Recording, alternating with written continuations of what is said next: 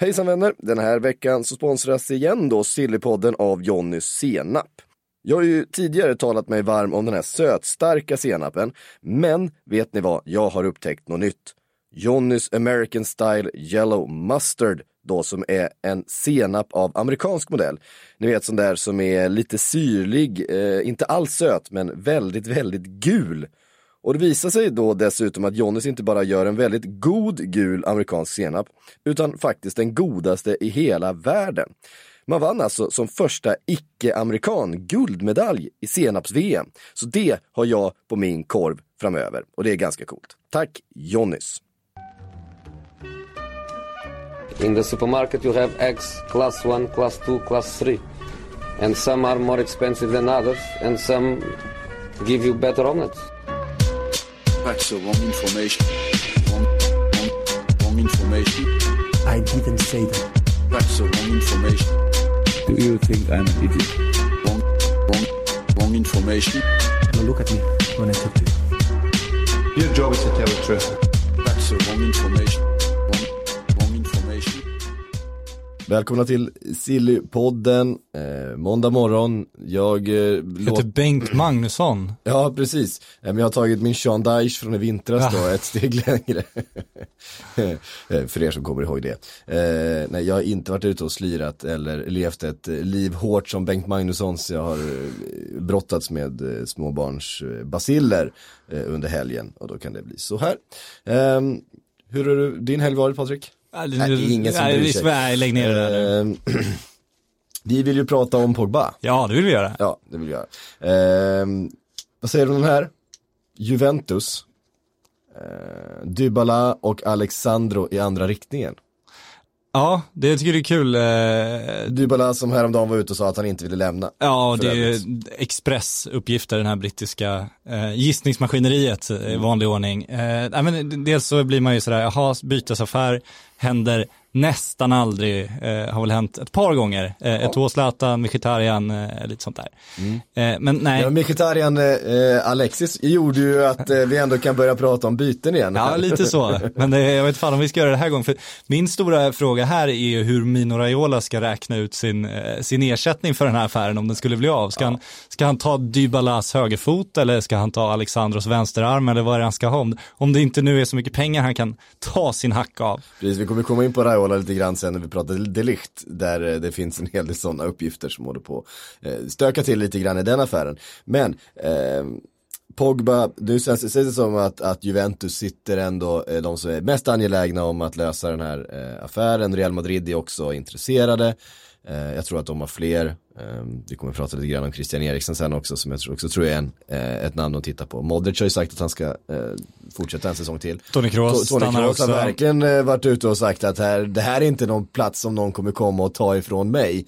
Eh, om jag spelar så bra som jag kan, då räknar jag med att den här platsen är min. Han skrev väl nytt nu också? Och så var hans eh, brorsa ute och twittra, bara kommentera med en stor pengapåse. Det var hans alla kommentar till det där. Ja, ja, rätt fokus på dem. Ja, det är så. Ehm, men Paul Pogba, eh, Juventus där han ju hade sina bästa säsonger såklart. Um, mycket talar väl för också att han eh, vill tillbaka. Men Dybala, är inte han och Pogba kompisar? Är inte liksom en del av grejen att de vill spela tillsammans? Ja, det- Dybala är väl intressant. Han kommer, känns ju också som han kan bli lite följetong. Även om han säger att han vill stanna så, så har det ju inte fungerat med honom och Cristiano tillsammans. Så Nej. att det känns ju som om, och Juventus har ju inte hur stora pengareserver som helst att ösa ur. Så att, De och har de lagt ska allt göra, på Aaron Ramsey. ja, ja lite så.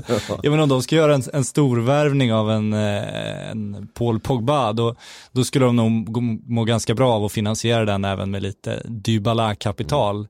Eh, och Dybala, han känns ju mer lättplacerad än vad Pogba känns egentligen. Men känns ju verkligen som en Atletico Madrid-övergång är lite match made in heaven, kan jag tycka, för Dybala. Eh, så eh, ja, Paul Pogba vill han till Juventus, det känns ju som han och Raiola vill tjäna väldigt mycket pengar och Paul Pogba vill nog skriva lite fotbollshistoria och bygga sitt varumärke ännu större. Och, så att de skulle nog föredra en, ett Real Madrid nu, tror jag definitivt. Men med tanke på Toni Kroos och Luka Modric eh, så är man ju inte så säker på att de verkligen är på jakt efter en, en ny stor mittfältare. Samtidigt så skulle ju Kovacic vara en, en arvtagare. Han kan man väl nästan räkna bort från den positionen nu och då Ja. kanske någon som ska in där som ska, ska ändå konkurrera om de där två för att Modric har väl inte så många säsonger kvar i ryggen och det, det påstås ju att anledningen till att han får en säsong till är att han faktiskt tog hem den där Ballon d'Or. Så att, ja, det kanske ska in någon ändå, men Pogba-operationen känns ju inte lätt.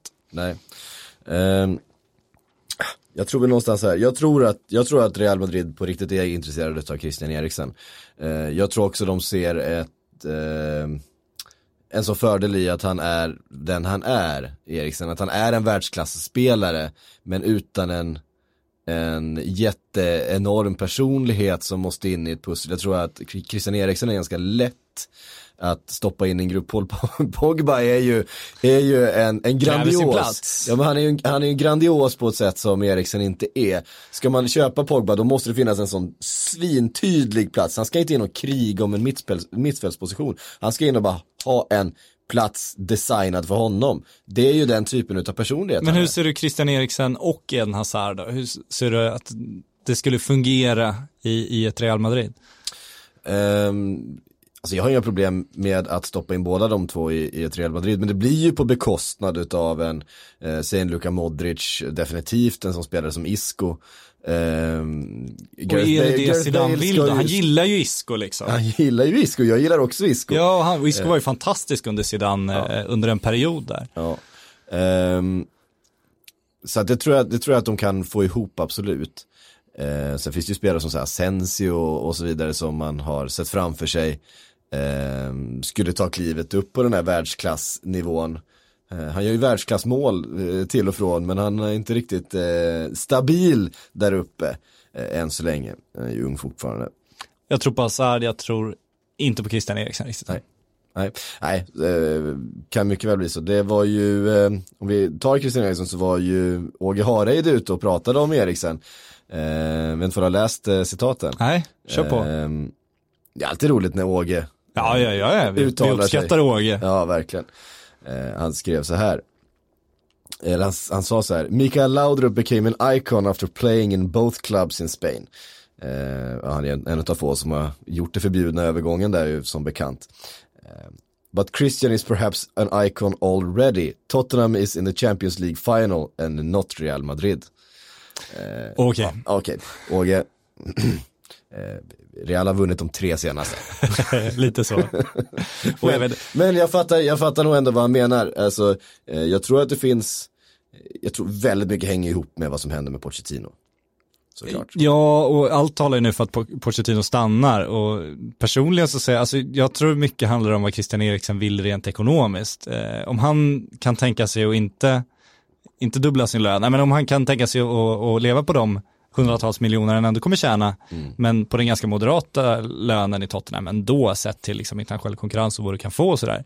Då är ju Tottenham ändå, där har han verkligen en möjlighet att bli en ikon, trots att han är lite överskuggar av Harry Kane för tillfället. Men där har han möjlighet att verkligen vara den klubbspelaren och eh, de konkurrerar ju på absolut högsta nivå nu. De har en ny arena som bäddar för att eh, de kan ta ytterligare ett steg. De kan bli en absolut toppklubb i Premier League. Ska han föra dem dit, då kommer han ju verkligen bli en ikon.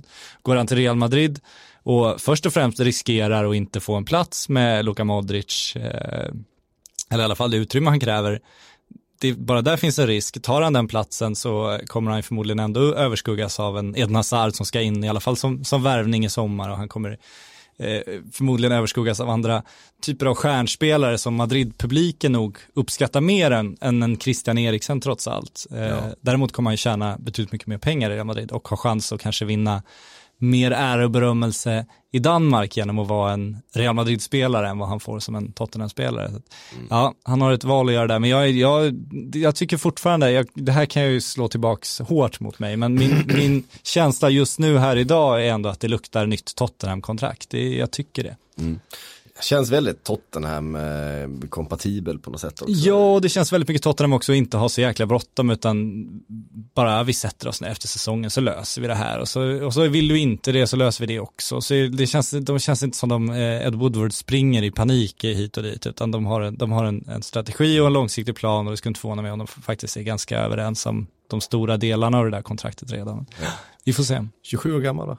Ja det är väl så, så det är nu, det är nu, nu eller aldrig. Nu är åldersgissandet igång, men någonstans där ligger han. Kring den där magiska 27-årsgränsen. Ja, precis. Han ska vara som bäst. Exakt, som man brukar Eh, säga. Just nu. Men det flyttas ju upp det där också. Så att, Eh, lite grann va? ja, på att- karriärerna förlängs och så vidare. Ja. Eh, Pogba är snart där också va? 26 Ja, han eh, var inne på. Annars så har prislappen på Paul Pogba eh, satts på 120 miljoner pund, alltså nästan en och en halv miljard. Eh, det blir väl 1,45 eller något sånt där. Ja, och det är ju spännande med tanke på att Eden Hazard med ett år kvar på kontraktet påstås kosta ja, men lite dryg miljard. Alltså, han, har ju, han har ju tappat i marknadsvärde Pogba så det sjunger om det. Det beror väl dels på att han bara inom citationstecken då har två år kvar på sitt kontrakt så att det är nu de ska sälja. Samtidigt så har han ju inte imponerat på plan eh, och hans uppträdande utanför den samma väcker ju frågetecken hans, också. eh, kring hans eh, ja men alltså den mentala biten helt enkelt. Ja, det, den här eviga diskussionen som, den byggs väl lite på att han, eh, han är så oseriös i sociala medier. Jag skulle beskriva honom som snarare som rolig och eh, jag menar, han bjussig mer än oseriös. Men det tolkas ju som av många brittiska tidningar om inte annat som oseriöst när man liksom inte har den här professionella fasaden även i sociala medier. precis. Eh, och då kommer ju den där frågan som de har väckt då, om hans, hans drivkraft var att ta sig till stjärnorna och nu är han redan där. Han, han är ekonomiskt oberoende, han är världsberömd, han är allt det där liksom. Hur sugen är han på att jobba ihjäl sig för att vinna en, en Champions League? Och hur sugen är han på att liksom arbeta sig till ännu högre position inom fotbollen?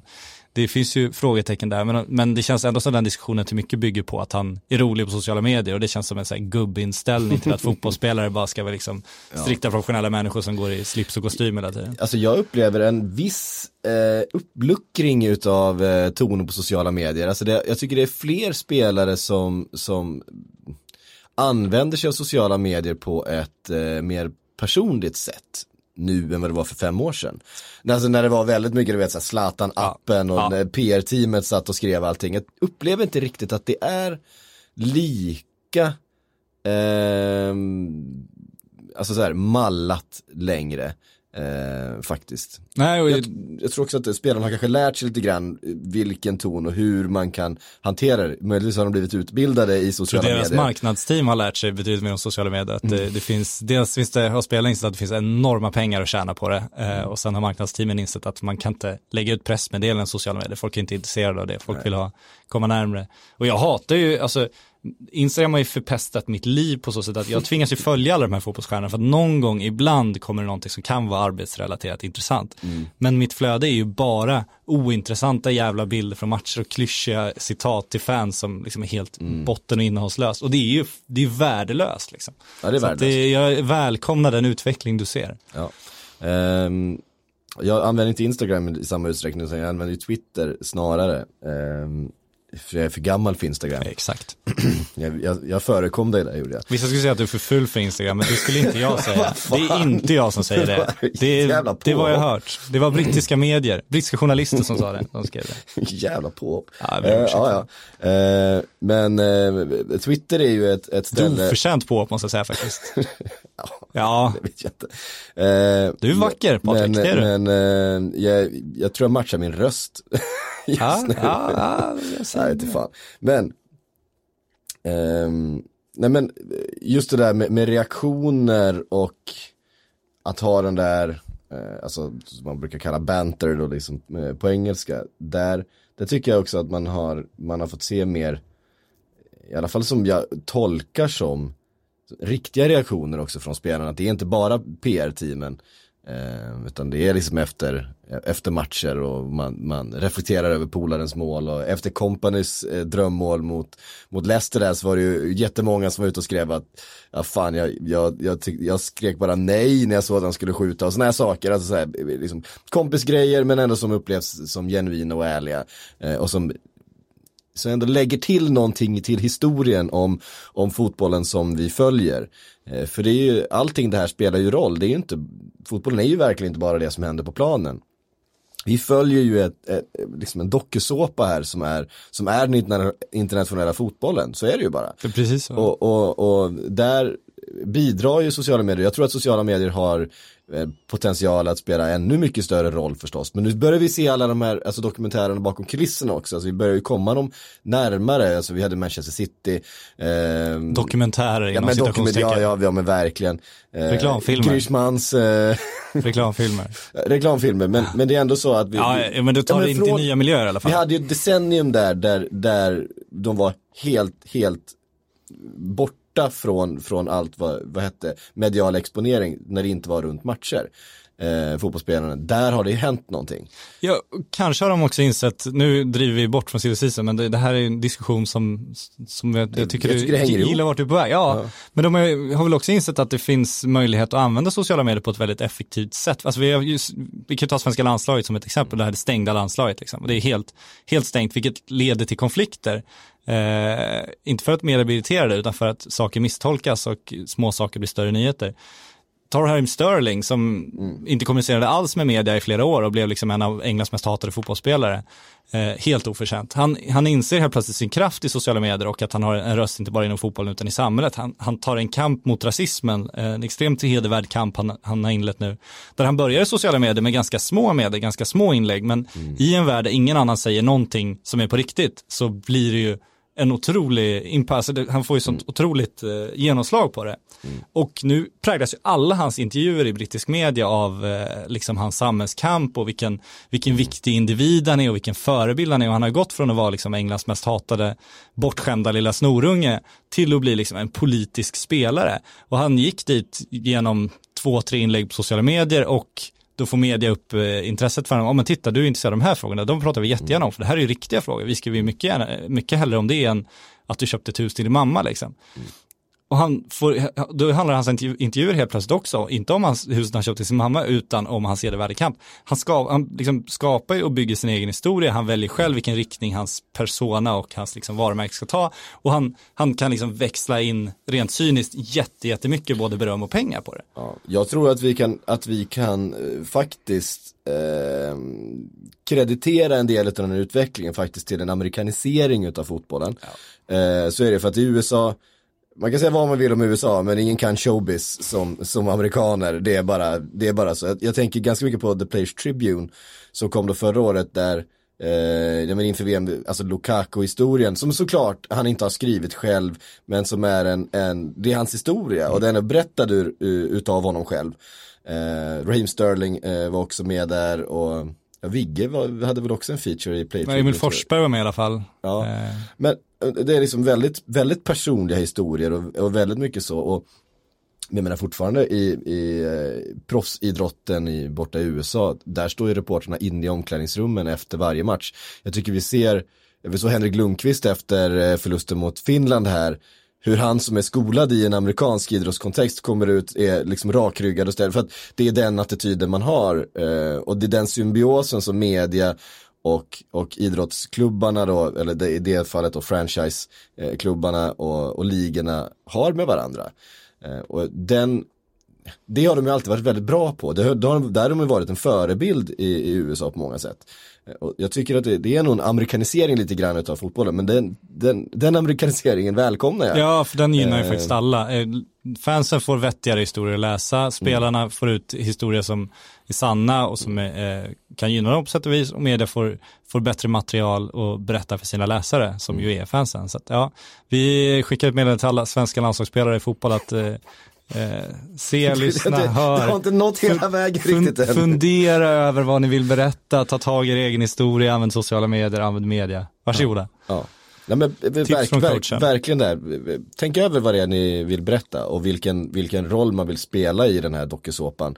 Eh, för att vi följer den oavsett vad, Ja, ni, vad ni vill. Japp. Alltså, hur, hur ni agerar så kommer vi följa den och vi kommer, Får man dra en segway här? Ja, välkommen. Ja, till Sergio Ramos. Har du honom på ditt... Eh... Jag tror han är faktiskt näst på körschemat Ja, här. vi, ja, vi har Bale emellan, men vi, vi går på Ramos. älskar. Ramos-uppgifterna. Det här är ju liksom essensen av silly season. Jag är, jag är så lycklig för man, man vaknar till, till Marca-uppgiften att Sergio Ramos då överväger sin framtid i Real Madrid. Han har haft ett möte med Zinedine Zidane. Eh, klubben vill att Zidane ska övertyga honom att stanna. Det är liksom, det, nu kan lagkaptenen försvinna. Eh, och det är ju väldigt mycket 2015 för oss som minns det. Vi var på U21 EM då kommer jag ihåg, eh, jag och Erik Niva satt i någon hotellobby i Bernois och spelade in ett eh, Silly-TV tror jag det var. Och jag var lite så här, men är han på väg till Manchester United? Jag trodde nästan han var det då, eller jag trodde det till och med. Och Niva var, nej men det där kan du inte gå på. Så självsäker som bara han kan vara. Eh, och då fick jag ju rätt såklart, den lilla rätt. jäveln. Japp. det är hemskt när han har rätt. Ja, och då ska han på nytt kontrakt. Eh, och nu skriver ju ABC då, den här eh, spanska tidningen, att Sergio Ramos då har lagt upp sin plan nu, att han vill inte alls lämna Real Madrid, utan han vill förlänga sitt kontrakt med ett år för att kunna slå eh, Rauls eh, matchrekord. Eh, och han vill också ha en löneförhöjning då, eh, på 2 miljoner euro. Eh, I veckan är det väl. Eh, men då är det kul om man ser hur han använder media nu, för då kommer de här uppgifterna återigen då att han är på väg bort, vilket då sätter press på Real att göra någonting och då, då liksom, han vill ju inte, han vill ju inte lämna, men han är smart nog att, att sprida uppgifterna för att sen kamma hem ett nytt eh, kontrakt med en saftig löneförhöjning. Så det, det ska bli kul att följa om eh, hur Real, om de spelar mer den här gången eller om de sätter hårt mot hårt. Mm. Ehm, alltså, alltså, om vi kan Ja, det är klart de genomskådar det, de herregud. det. Absolut, och, och det farliga med att spela det här spelet är att om man, han, alltså han måste ju ha någonting att gå till. Det är som om du skulle gå in till din chef här på Aftonbladet och säga så här, "Äh, men nu, jag sitter på alldeles för dålig lön, jag kan tänka mig att lämna. Det finns ju alltid risken att din chef säger, jaha, tack för den här tiden, hej då. Jag och då gäller finns- det att du har någonting att hämta. Det finns exempel här Finns från, exempel. från den här redaktionen där exakt det har hänt. eh, och det påstås ju i, i Marca tror jag det var, eller det var ABC, det är jag är inte helt säker på kärnan på den, att det finns ett bud på Ramos och det är från en kinesisk klubb i dagsläget. Samtidigt om Sergio Ramos verkligen skulle vilja lämna så jag tror inte att Manchester United skulle stänga dörren trots att han är 33 år om vi säger så. Men, men det gäller ju att han kan tänka sig att göra det då också. Så det, det är ett litet farligt spel. Eh, men jag gillar ju att han försöker använda de trådar han har. Men det är också så här, har man den statusen i klubben som, som Sergio Ramos har så riskerar man ganska lite genom att göra så här också. Du kan ju få fansen emot dig om klubben verkligen Jo, skulle bli men- riktigt irriterad på dig. Men, ja, men absolut, han har ju en bra förhandlingsposition. Det är ju inte riktigt som om Gareth Bale skulle göra Ah, detsamma. nej, nej, skulle nog landa lite illa. Så det blir segway över till Bale då. Ehm, där frågetecknen är, är rätt många fler än utropstecknen om man säger så. För vem ska, vem ska adoptera Gareth? Ja, eh, ingen som det alltså, Hade han gått förra året hade ju Manchester United varit där. Eh, och då får de väl lasta bort Alexis Sanchez om de ska ta en superdyr eh, gammal chansning igen. Ja, nej, det känns inte som de kommer göra det. Ja, alltså, nej, de kan, alltså, Gareth Bale är ju en, en makalös fotbollsspelare på många sätt. Alltså han har ju eh, egenskaper som i stort sett ingen annan. Eh, men det är ju, ja, dels skadorna förstås. Men det är- ju, det kanske framförallt skadorna, men det, som gör att det är en så otroligt dyr chansning. Eh, och framförallt Manchester United har ju inte råd med fler chansningar. Nej, nej och de, de, de, om de den här Solskjaer-strategin finns nu med unga britter, att det är det de ska gå för, så kommer de inte gå efter Bale. Så kan man tycka lite synd om honom, han var ju ute i veckan och gav en intervju och pratade om sättet folk ser på fotbollsspelare, att de bara är som robotar, att liksom, och det får en ju osökt att tänka på uppgiften att Real Madrid mer eller mindre försöker mobba bort honom nu, att Zidane inte ger honom chansen i vad som skulle kunna vara hans sista match för, för klubben och att Perez absolut inte vill ha kvar honom och sådär. Och det blir ju det där igen, man ställer ju alltid krav på spelarna och ställer upp för klubben, men man ställer ju aldrig krav, krav på klubben och ställer upp för spelaren. För en Gareth Bale som trots allt har varit väldigt, väldigt viktig i, i perioder för Real Madrid. Cy- Cykelsparkar hem, Champions League-troféer och sådana Till saker. exempel, så då kan man ju tycka att det finns någon slags eh, skyldighet att ta hand om honom nu när han har en lite tyngre period i sin karriär. Eh, men det, är- det så, inte så fotbollen fungerar. Nej, och det är klart att det finns en jäkla massa lag i England som eh, inte skulle ha någonting emot att ha en Gareth Bale i sin trupp. Om man var lite billigare chansning. Men eh, ingen av dem är beredd att betala de här pengarna. Ja men alltså för att, vi, vi tittar, men Manchester City, nej. Nej. Där, där, där är det helt enkelt så att, att eh, där tror jag inte ens att han automatiskt har plats. Ska de kanske sälja eh, Leroy Sané då till eh, Bayern München, vi kommer till det också om en liten stund. De hänger ihop alla de här. Absolut. Men jag, jag, jag kan inte se Gareth Bale till, eh, till Nej, ska eh, han gå in i någon slags rotationssystem där? Nej, Jag tror bara inte det. United har ju varit inne på, det har ju varit liksom den, den eh, mest naturliga, men det är ett år för sent i sådana fall. Eh, de sitter med en Alexis Sanchez som de inte kan adoptera bort. Ehm, och så vidare. Så att det, det kommer inte heller hända. Vad har vi kvar då? Liverpool. Nej, de kommer inte betala den typen av pengar för eh, det som då skulle vara en rak konkurrent till, till Sadio Mané, en position där man är liksom eh, känner sig hemma tror jag. Eh, Tottenham, de har inte råd. De skulle ju absolut, det är ju det naturliga valet för dem att komma hem. Men då får ju Real räkna med att betala halva hans lön eh, på ett lån liksom. Det skulle eventuellt kunna, Och vad ska, då är det återigen det, vill Gareth till Liverpool på lån, det tror inte jag. Jag tror att Eller om han till ska Tottenham. nej, till Ja. Tottenham, förlåt. Ja. Till Tottenham på lån. Eh, om han ska hem till Tottenham, då tror jag att han behöver ett, Mm. ett tre, fyra års kontrakt eh, för att göra någon slags hjälte och skriva något sånt kapitel i sin karriär. Och då, Arsenal kan vi glömma, Ja. eh, Chelsea kan vi också glömma. Ah, Alltså det är om Hazard går, de får någon slags De är desperata. Ja, men dels de, då måste de ju till att börja med lösa att de får registrera spelare den här sommaren och det är fortfarande inte säkert att de får. Ehm, men det är ett jävla halmstrå liksom. ja det är det ju. Men Chelsea-dörren är väl den som ändå skulle kunna ha en liten, liten glänta. Manchester United-dörren om han skulle gå ner otroligt mycket lön, även om jag inte tror på det. Då ska vi gå till PSG då så känns det inte som de ska in Gareth Bale där tillsammans med Neymar och Kylian Mbappé. Eh, och då, eh, då har vi inte mycket kvar. Tittar ju på Leroy Sané nu. Ja, det är om Bayern skulle, skulle få, för de ska ju ersätta både Robin och Ribéry, skulle de få problem med Sané, skulle de inte få in någon annan, kan de få en Chamez lösning på ett lån? Mm. Kanske. Chamez ska ju också någonstans. Ja, Chamez ska också någonstans, han ska också adopteras bort. Ja, precis. Eh, styvmoderligt behandlad Ja, de senaste åren får man säga. Ehm, Han kan inte trivas i Madrid heller var det på så han tri- trivdes i München, hoppades på nytt kontrakt, var ju på väg mot nytt kontrakt eller på att de skulle köpa loss honom men gjorde ju en, en usel avslutning så att då försvann ju den möjligheten. Mm. Ehm, och där har vi en till spelare som vi inte vet eh, alls eh, vart han ska ta vägen. Nej men, så Gareth Bale kan ju inte vara kvar. Så någonstans måste han ju. Vi Ja, får han kan vara kvar. här. Han kan vara kvar. Du tror att han, Jag tror han kan vara kvar. Ja, ja det, det har ju ryktats om att han själv har sagt att ja, men jag kan sitta kvar, jag har en bra lön, jag kan spela golf. eh, Ja, och det var ju lite samma situation för, förra sommaren också. Liksom han, han känns ju inte jätteplågad av, av livet i Spanien, även om Nej. han inte får spela så mycket. Så att det, jag inte... Han verkar ju själv ver- verkligen trivas i Madrid. Ja, och jag tror att det, om man tittar på det mest sannolika just nu så tror jag ändå att vara kvar, vara kvar är ofta det mest sannolika och eh, det, det väger nog över lite mer åt det hållet just nu också tycker jag. Just eftersom han är så otroligt svårplacerad. För spelare är det ju liksom, det är lite som vädret. Eh, den största procenten är alltid att det blir likadant som imorgon. Nej, exakt. Eller som, Som som, som, idag, att imorgon blir likadant som idag. Eh, och för spelarna att det är liksom, ja men nästa säsong så blir man kvar på. Ja, där han- man är även om det ryka, ryktas. Vi får ju avfärda Kina-rykten ryktena också, det känns som han är lite eh, för, inte in, han är intresserad. lite för bra, lite för ung, lite för skadedrabbad för att tycka att det är kul att bara åka och spela fotboll i Kina. Det känns inte som det är hans grej alls. Nej. Inte än i alla fall. Inte än. Eh, vi rör oss till Barcelona då. Mm. Det är likt. Mm. Eh, är de ju på väg att signa eh, av allt att döma. Men Mino Raiola är ju där som en slags garant för att den här eh, övergången ska bli både, hinna bli, bli både infekterad och väldigt dyr eh, innan det är klart. Han ska vilja ha då närmare 150 miljoner själv för att eh, helt enkelt förhandla eh, det här kontraktet. Och han ska ha krävt en årslön på ungefär 200 miljoner pund eh, åt Delict.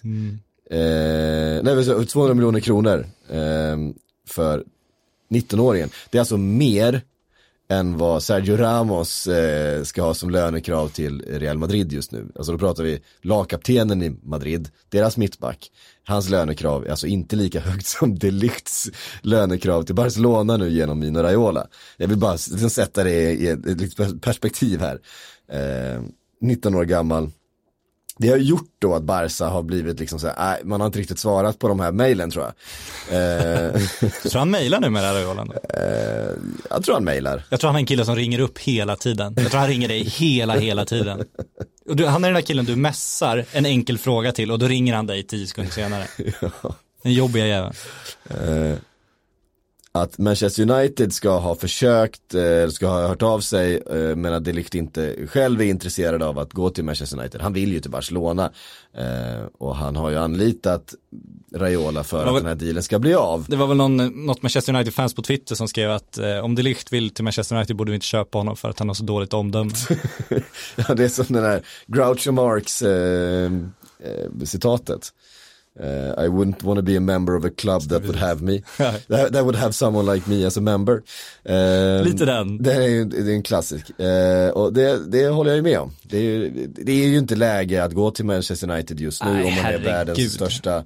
Eh, sen är, är det likt allting som Manchester United behöver. Alltså med Delict så skulle deras säsong se Och sen- betydligt mycket ljusare ut. Sen ska man ju liksom inte underskatta Mino Raiolas eh, påverkan på spelare, för det var ju absolut inte läge att gå till Manchester United för Paul Pogba heller. Eh, hade han gått till ett Real Madrid eller ett Barcelona då så hade han förmodligen varit en ännu större fotbollsspelare nu.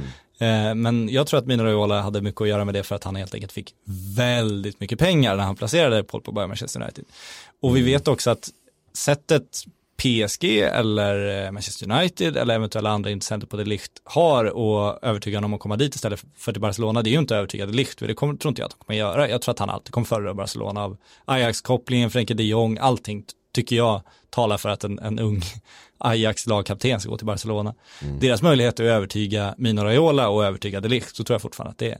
Och jag så, blir så frustrerad varje gång att spelarna bara kan se de här enorma miljonsummorna försvinna till deras agenter. De måste ju inse att det där är pengar som ni ska ha. Det är ju era pengar Mina Raiola tar. Det är ju inte klubbarnas pengar han tar egentligen. Det är ju era pengar.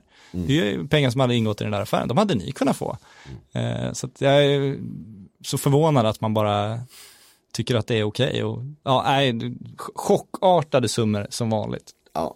Men jag tror att han kommer, kommer säga, åt, till den, säga till den gode Mino till slut att nu får du fan lugna ner dig, nu får du åka till Barcelona och lösa det här åt mig. Så kommer han åka dit. Han har ju en, han har en sån här eh, bra röstdelikt för att skälla ut någon. ja, jo, det, kan- det har han nog ja, han, han, man får känslan av att 19 år gammal så får man ändå känslan av att fan när han ryter ifrån så, så lyssnar man. Ja, ja, tror jag. Han har en jävla pondus alltså. Ehm, det är ju roligt också för att Raiola har ju tidigare då aspirerat på att bli Uefa eh, och Fifa-president. Eh, det är ju hans långsiktiga Han vill mål. alltid fotbollens bästa. Kä- Känner vi inte att Raiola är fotbollens Donald Trump? Eh, och att Oj. det skulle kunna hända Hey, I'm Ryan Reynolds. At Mint Mobile, we like to do the opposite of what Big Wireless does. They charge you a lot, we charge you a little. So naturally, when they announced they'd be raising their prices due to inflation, we decided to deflate our prices due to not hating you. That's right. We're cutting the price of Mint Unlimited from $30 a month to just $15 a month. Give it a try at mintmobile.com slash switch. $45 upfront for three months plus taxes and fees. Promote rate for new customers for limited time. Unlimited more than 40 gigabytes per month. Slows. Full terms at mintmobile.com. Sepp Blatter var ju fotbollens Donald Trump. Eh, så att, är, är, De här organisationerna har så ja, men skurkar. går det ens att liksom aspirera på den titeln? Går det ens inte. toppa de här gubbarna? Ja, nej, jag vet, jag vet inte. Han är oslagbar Sepp, så är det fortfarande. Fortfarande helt oskyldig enligt sitt eget tycke. Ja, eh, han, han gör ju en, en intervju någon gång då och då där Ja. han eh, sitter och tycker synd om sig själv. Ja, Ehm, och då publiceras ju de där intervjuerna av någon oförklarlig anledning fortfarande. klart. Ja men herregud, han säger ju samma sak som han sagt i 30 år liksom. om Låt Sepp- inte om, om Sepp gubben Blatter prata. hade mejlat dig imorgon och sagt att jag, har, eh, jag är beredd att ge dig en ex- exklusiv intervju. Det hade inte du eh, störtat ner i ett plan till Schweiz. Det är väl din eh, skyldighet att åka dit och prata med honom. Men, sex sidor om men du kan ju inte skriva den, i så fall kan du inte skriva den utifrån att ja, Sepp Blatter tycker att han är oskyldig, utan då får du liksom, då får du göra en, en fråga-svar med riktigt hårda frågor och sen så får han liksom Mm. framstå som, som för det, ja, det går inte att han ska förklara sig oskyldig i tidningar en gång i halvåret, det känns bara helt, det är lite ansvarslöst kan jag tycka. Vad hette han som var före eh, Blatter? Eh, det var ju också en, Eh, Hav- Havelan, vad ja, han? ja, precis. Eh, också en, en, en fantastisk eh, människa. herregud. Ehm, Har du sett Blatter-filmen än? FIFA- FIFA-dokumentären som du kanske skulle kalla det, jag vet inte. nej, jag har inte sett Ja, det. Har du gjort det? Nej, det har jag inte gjort. Jag har sett delar av den. Ja, alltså det Nej, räcker, med, det räcker med att se trailern liksom. Nej, gåshud. Uh, fy fan. Det, är, för- det är för jävla roligt alltså. Ja, det är härligt. Jag menar, men det, om vi pratar om fotbollen som en dokusåpa så får man ju ur den aspekten uppskatta Fifas och Uefas närvaro. Bara Uefas beslut här att lägga en Europa League-final i, i ett land där, där spelarna inte kan ta sig eh, av säkerhetsskäl och fansen inte kan ta sig av logistiska skäl och invånarna inte kan ta sig för att Uefa-pamparna ska ha det bekvämt. Det är det är, det är bara att applådera liksom. Det är bara att ställa sig upp och applådera. Ja, det det går ju inte att göra bättre, alltså det är fantastiskt.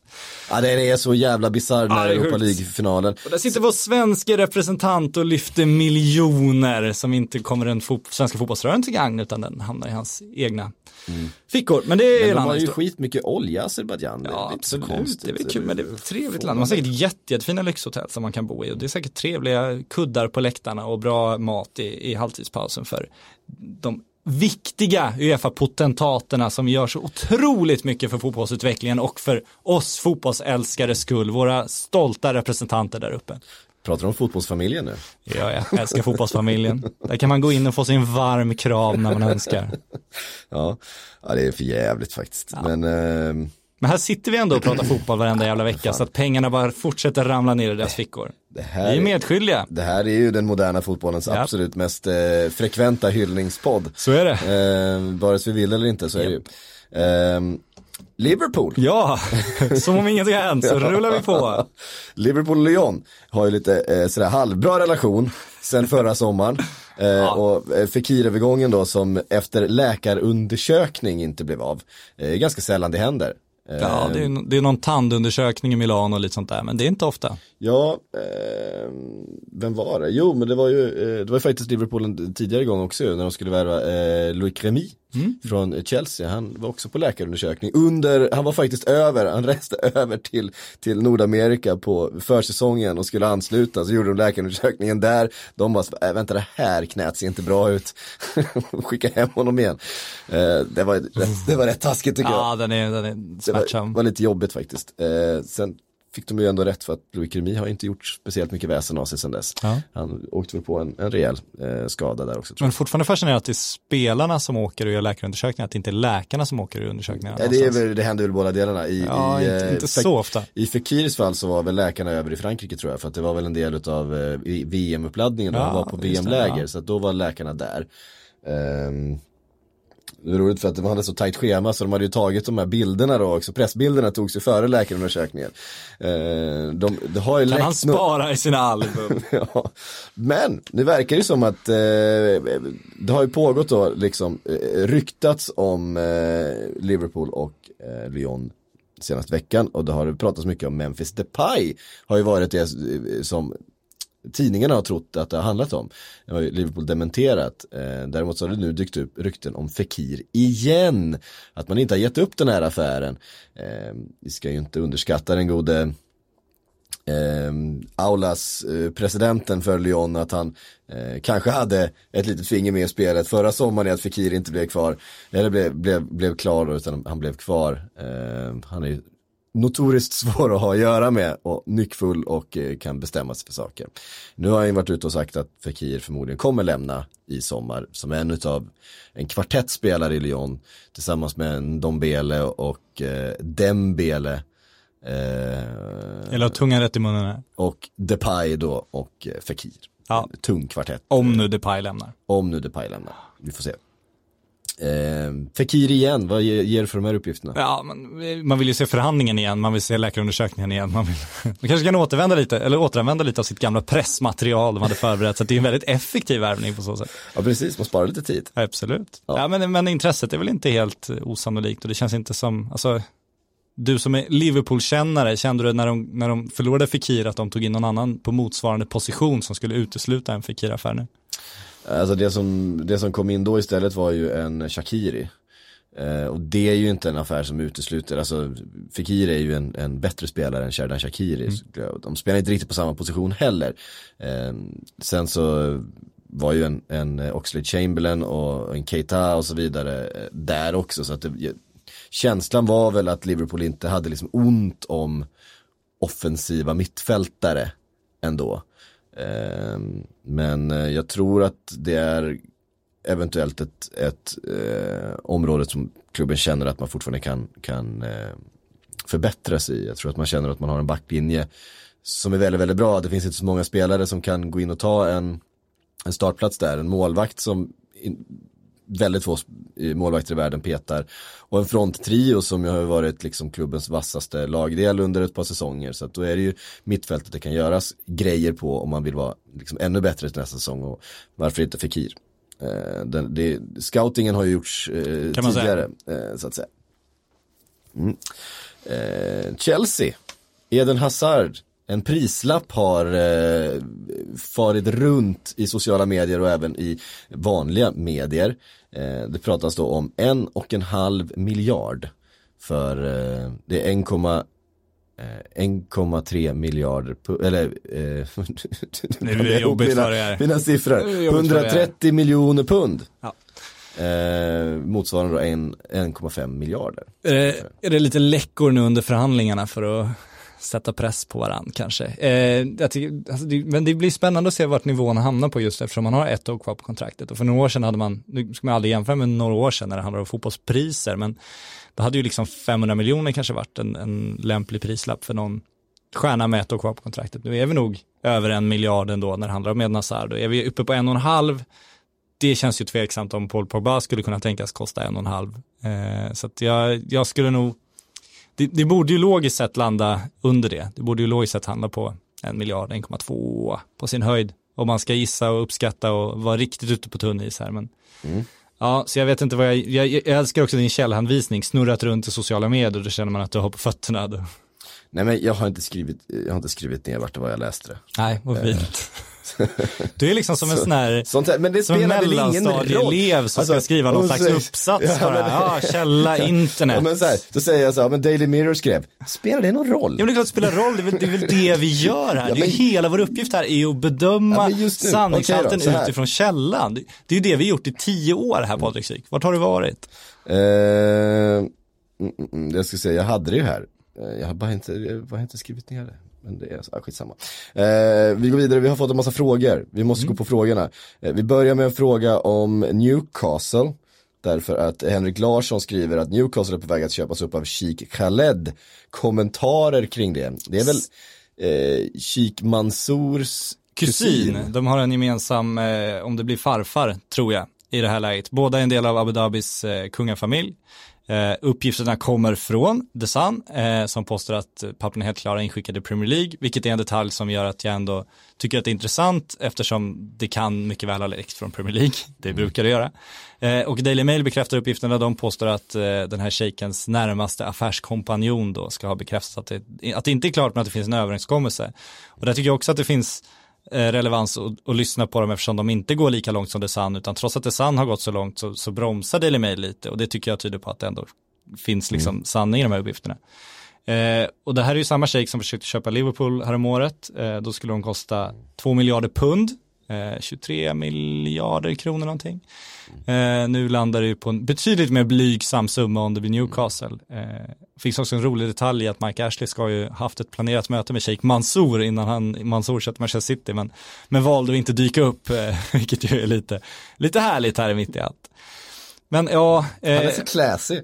så otroligt classy. Men, ja, men det gör ju ont igen att konstatera att en av Premier Leagues käns känslomässigt ändå mest genuina klubbar skulle jag ändå påstå eftersom de, det, det är ingen glamorös storstadsklubb utan det är liksom det här arbetarsamhället Newcastle, eh, det är norrut, det, det, det är så obarmhärtigt att bo där så att det fanns ett förslag här om året att de skulle lägga sin träningsanläggning i London istället för att kunna värva spelare, vilket man ju älskade. Och det finns den här stora publiken, den genuina fanskaran och allt det här. Och ska det in en shake då och liksom göra pengar på det här, det gör ju att det gör ont igen som vanligt. Eh, och från en, en familj med tve, tveksamma förhållanden till eh, mänskliga rättigheter, vilket vi ju vet och det är väl dokumenterat, men det ska fan mig påtalas varenda gång vi ska prata om dem, tycker jag ändå. Eh, så nej, det gör ju ont igen det här, men eh, den lilla, nu när vi är i den moderna fotbollens mest vurmande podd trots allt, om man ska ta det perspektivet så, så eh, vore det ju spännande att se vad en, en shejk kus, kusin till Mansour, om han skulle göra, försöka göra motsvarande resa som Manchester City gjort med, med Newcastle United. Det är klart att det vore intressant rent cyniskt att se hur det skulle kunna gå till och vilka namn de skulle kunna tänkas rycka i sommar. Har vi rubriken då till nästa gång City och Newcastle möts? Är det AB Derby då? vi har ju redan Oil Firm med, mellan City och PSG. Tog du den på uppstuds? Ja, jag tror det. Det var, Ja, det var stark. Det var stark. Det finns en gammal tidningsmakare i dig ändå. ja, den är där någonstans, Ja. kvar fortfarande. Ja, jag är imponerad. Ehm, ja, och eh, Känns ändå som det viktigaste för Newcastle är att försöka ha kvar Rafa Benitez. Men det, Ja. det kanske är lättare om de har pengar att spendera. Det påstås ju både Sun och Daily Mail att Shakens första insats skulle vara att knyta upp Benites kontrakt. Så eh, på så sätt hade det varit välkommet. Men, men jag, jag är ju en eh, Mike Ashley-vurmare. Jag tycker ju om att det finns eh, galna britter med ölsinne som styr klubbar eh, på allt annat än hälsosamma sätt. Och absolut försöka sko sig själv på klubben också genom att samarbeta med sitt sportmärke. Men det är väl det det går ut på att äga ett, ett, ett fotbollslag som är ett företag. Det går ut på att tjäna pengar. Och så länge en klubbägare är intresserad av en fotbollsklubb för att tjäna pengar till sig själv, då tycker jag någonstans, då, då är det helt okej. För då, det, är liksom, det är ju det Du det kan, går du ut kan Men- hantera kapitalism. Ja, det kan jag göra, men det jag problem är ju när det kommer in de här låtsaspengarna där det inte går ut på. är ju det som Exakt, det går är- inte ut på att tjäna pengar utan det går ut på liksom att bygga, bygga varumärken och bygga länder och bygga någon slags försvarsindustri. Det är då det blir problematiskt tycker jag. Så att, att kritisera Mike Ashley för att han försöker tjäna pengar på Newcastle, då är man intresserad av fel slags idrott tycker jag. Eh, Byggmyndigheten eh, skriver samma två frågor som förra veckan. Jaha, missar vi då. Eh, ett, eh, prisutvecklingen de senaste åren så antar jag att vi kan förvänta oss en standardprislapp på etablerad spelare kommer att ligga eh, kring en miljard. Vilken tror ni blir sommarens dyraste värvning? Alltså, vilka kommer, kommer flytta på sig? Edna Sard kommer flytta på sig, men med kontraktssituationen gör ju att han Det är ju förmodligen solklara inte blir uppgifter här om eh, en och en halv miljard för Hazard till exempel. Ja, exakt. Så vem ska bräcka det då? Paul Pogba, Paul Pogba om han går, om vi räknar in lön så tror jag att, och agentarvode så kommer han nog bli, bli sommarens dyraste, om han skulle lämna. Eh, alltså svårt att se vilken, för de här, Neymar kommer inte gå nu, Mbappé kommer inte gå nu, Harry Kane kommer inte flytta. Ehm, ja, ska vi gissa på Paul, Paul Pogba då, eller vad säger du? Mm. Ja, jag har svårt att se att, eh, jag har svårt att se en sån här två miljarders värvning den här sommaren. Eh, alltså likt Neymar eller Mm. Mbappé. Och Grishman kommer ju landa, han har ju en utköpsklausul som Ja, gör att han precis. inte blir så dyr. Eh, och det är liksom samma sak, det är inte Ja, det att eh, det kommer dra iväg. Om det blir Barcelona kommer det ju absolut inte dra iväg för då kommer han pressa på för att Mm. få igenom den och då, de så bra för- förhandlingsläge och Ajax kommer liksom inte kräma ur allt de kan där tror jag inte. nej, nej, precis. Nej men eh, Paul Pogba är väl en, eh, en eh, bra gissning. Vi gissar på det. Mm. De Gea kanske. Ja, vart ska han gå då? Det är den jag har så svår, svårt med också. Ja, Det nu förlängde Det ju PSG med Buffon. ja visserligen eh, inte så långt kvar på kontraktet va, De Gea. Nej, han har också bara, han har väl ett år kvar nu. Ja. Så han måste de göra någonting med.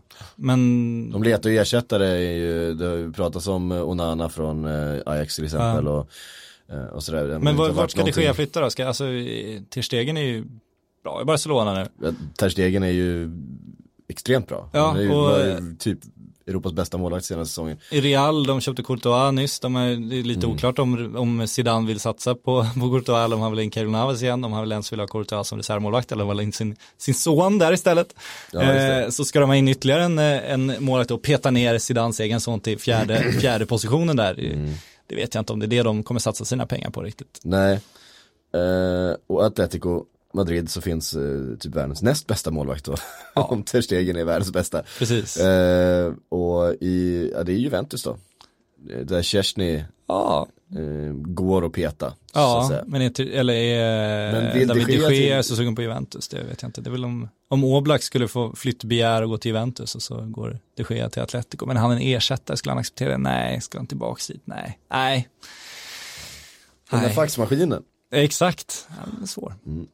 Jesper Haglöf undrar, kan Declan Rice vara ett namn för Manchester United? Hur ska de ersätta Herrera i detta transferfönster? Ja, Declan Rice är väl en spelare som skulle kunna ersätta.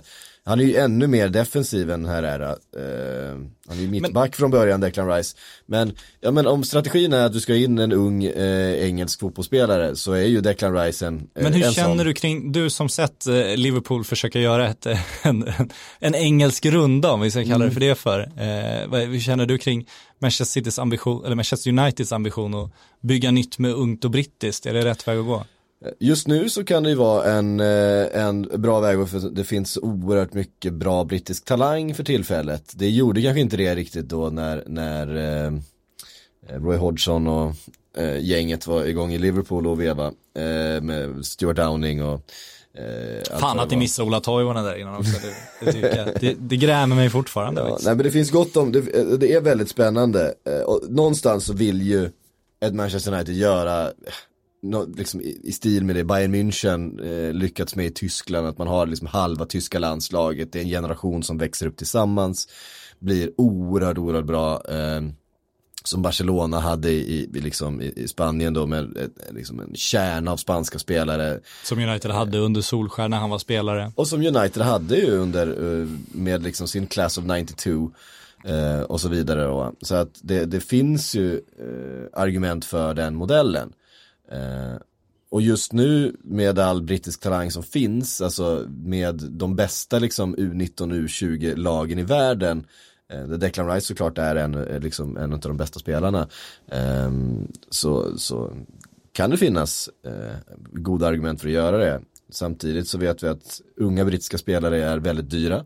De är dyrare än vad de eh, motsvarande spelare från andra delar av världen är. Och de har redan satt en ganska hög lönenivå med, De har- med Jesse Lingard och Marcus Rashford. som har en- ligger ganska högt. Ja, precis. Så att, ehm, men ja, alltså Declan Rice till Manchester United jag inte som alls omöjligt. Jag tror dessutom att de kommer värva Wan Bissaka från, från eh, Crystal Palace. Det är två av de mest spännande unga. David James va? Eh, just det, det var, det- den killen har jag inte så bra koll på. Inte heller, men jag har koll på målvakten David James så det är inte honom det ska är in. inte han. Nej, det är inte samma. Uh, nej men Wan Bissaka känns ju som given, de behöver ju en högerback. Eh, dessutom igen då 19-20 år gammal, vad nu är, engelsman. Kommer, men han tillhör ju den här fantastiska generationen som är på väg igenom nu. Ehm, skulle inte bli förvånad fall de uh, plockar någon ytterligare. Eh, faktiskt. Så att eh, visst, Declan Rice kan absolut vara ett namn för Manchester United.